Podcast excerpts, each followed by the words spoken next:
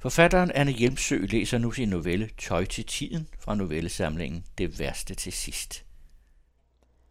Margit var gået ind i dagligstuen for at læse avisen, men bogstaverne drillede, og de to damer, der snakkede hende i sofaen, forstyrrede hende. Det var tydeligt, at de ikke ænsede hende. De var vant til at dominere et rum. Måske troede de, hun var døv eller dement eller dum, og for dum til at fatte sammenhængen. Hun lod avisen blive liggende opslået foran sig på bordet, men begyndte at lytte til deres samtale. Så gik tiden da med det. Det var fine damer, som man sagde. I hvert tilfælde var de mere klædt på til en damefrokost i de bedre kredse end til et besøg her. Market fangede navnet Leila og formodede, at det måtte være Leila her fra plejehjemmet, og det måtte være hendes to yngre søstre, der var kommet forbi. Så vidt hun vidste, var Leila i terapien i øjeblikket, så damerne sad nok og ventede på hende. Hun så forfærdelig ud, sidst jeg var her. Ja, kan du huske, hvor nydelig hun altid var før i tiden? Klassisk elegant. Nu minder hun mest af alt om en hjemløs med de plettede klude, hun går i. Margit smok kiggede på de to søstre og døbte dem Tante Grøn og Tante Brun. Så kunne Leila passende blive til Tante Lilla. Hun smilede og spidsede ører. Måske havde de observeret hendes nysgerrighed. De gik i hvert tilfælde over til at viske. Tante Grøn beskrev, hvordan søsteren savlede og ikke kunne ramme munden. Alligevel lod de hende spise selv og fedte rundt med maden som et barn.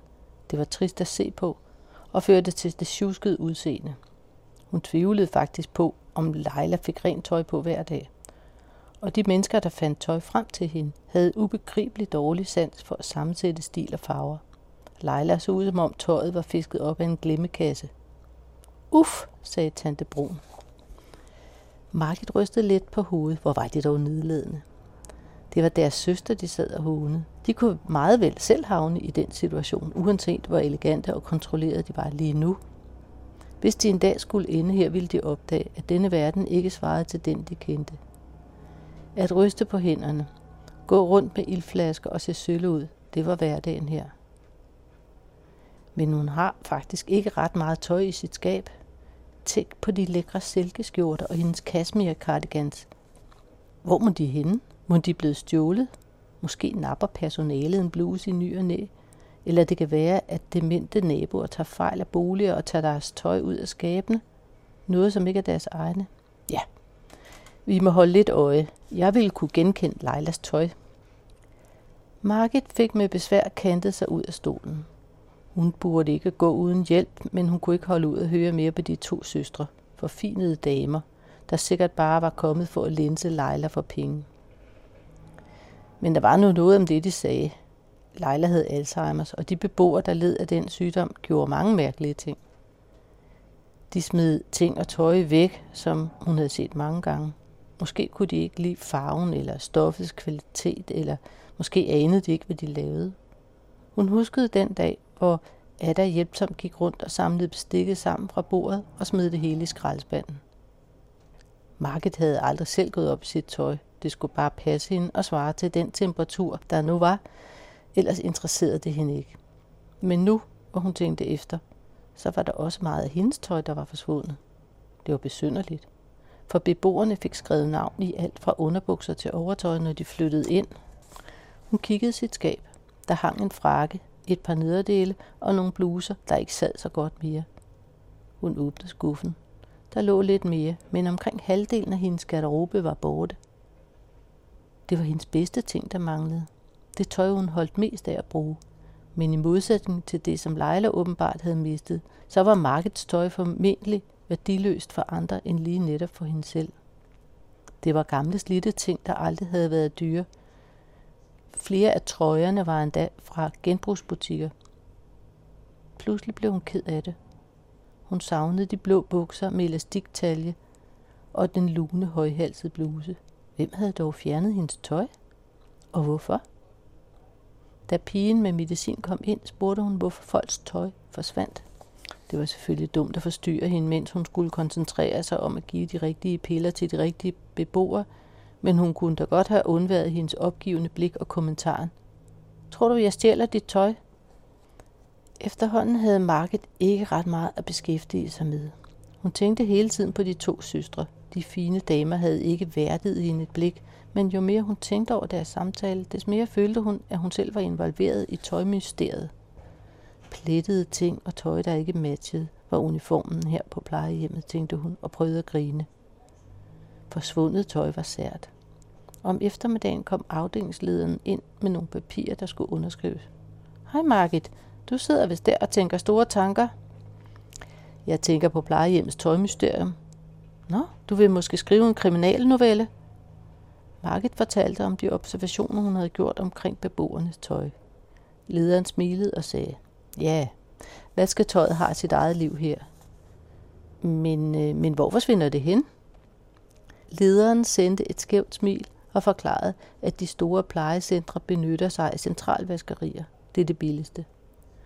Hun fortsatte med at udpensle, hvordan snavsetøjskurvene blev samlet ind, og folk fra vaskerier sorterede det. Noget tøj skal vaskes ved 30 grader, mens noget andet skal have højere temperatur. Derefter sendes vaskeposerne til de forskellige maskiner, hvor det behandles efter forskriften. Hun blev ved og ved. Market nikkede og nikkede og blev helt ør af alt det sludder. Hun kunne da godt forstå, at lederen så ofte måtte afspacere på grund af overarbejde, når hun brugte sådan en halv time på at forklare en temmelig enkel ting. Men hvor forsvinder tøjet hen? Ja, man må jo forstå, at det er en proces, der tager tid. Ja, det må jeg sige. Der kan gå op til en måned, før man ser sine ting igen, hvis de overhovedet kommer tilbage. Vi bor her jo ikke så længe. Øh, vores tid er kort, men øh, vasketøjet er lang. Lederen begyndte at klikke med sin kuglepen, og Market vidste, at samtalen var forbi. Hun skrev under på papirerne. Hun havde en klump i halsen, der hindrede hende i at sige mere. Hvorfor var alt så fastlåst her på stedet?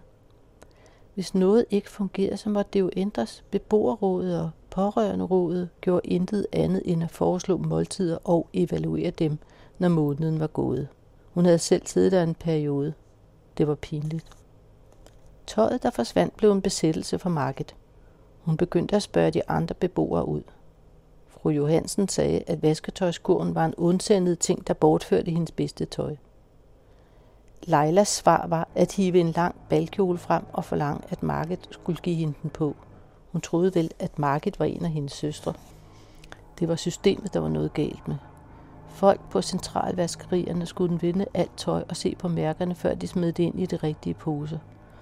Og når det rene kom tilbage, skulle det først til de rigtige plejecenter og derefter til den rette ejers kurv. Det var ikke noget mysterium, men et tøjpuslespil, der ikke kunne gå op. Market hjalp Leila i balkjolen og tog selv skibukser og en sommerbluse på. Afdelingslederen vidste ikke, hvor hun skulle se hen, da hun mødte de to damer uden for sit kontor. Øh, goddag, vi kommer i det eneste tøj, vi har tilbage, sagde Market og holdt masken. Vi beder bare om, at der kan sættes et par vaskemaskiner op i kælderen. Lederen sendte hende et krøllet smil. Så bød hun dem indenfor til en kop kaffe. Ude på gangen mødte de tante Brun og tante Grøn. Tante Lilla nejede. Det var Tøj til tiden, som Anna Hjelmsø læste. En novelle fra hendes egen novellesamling, Det værste til sidst.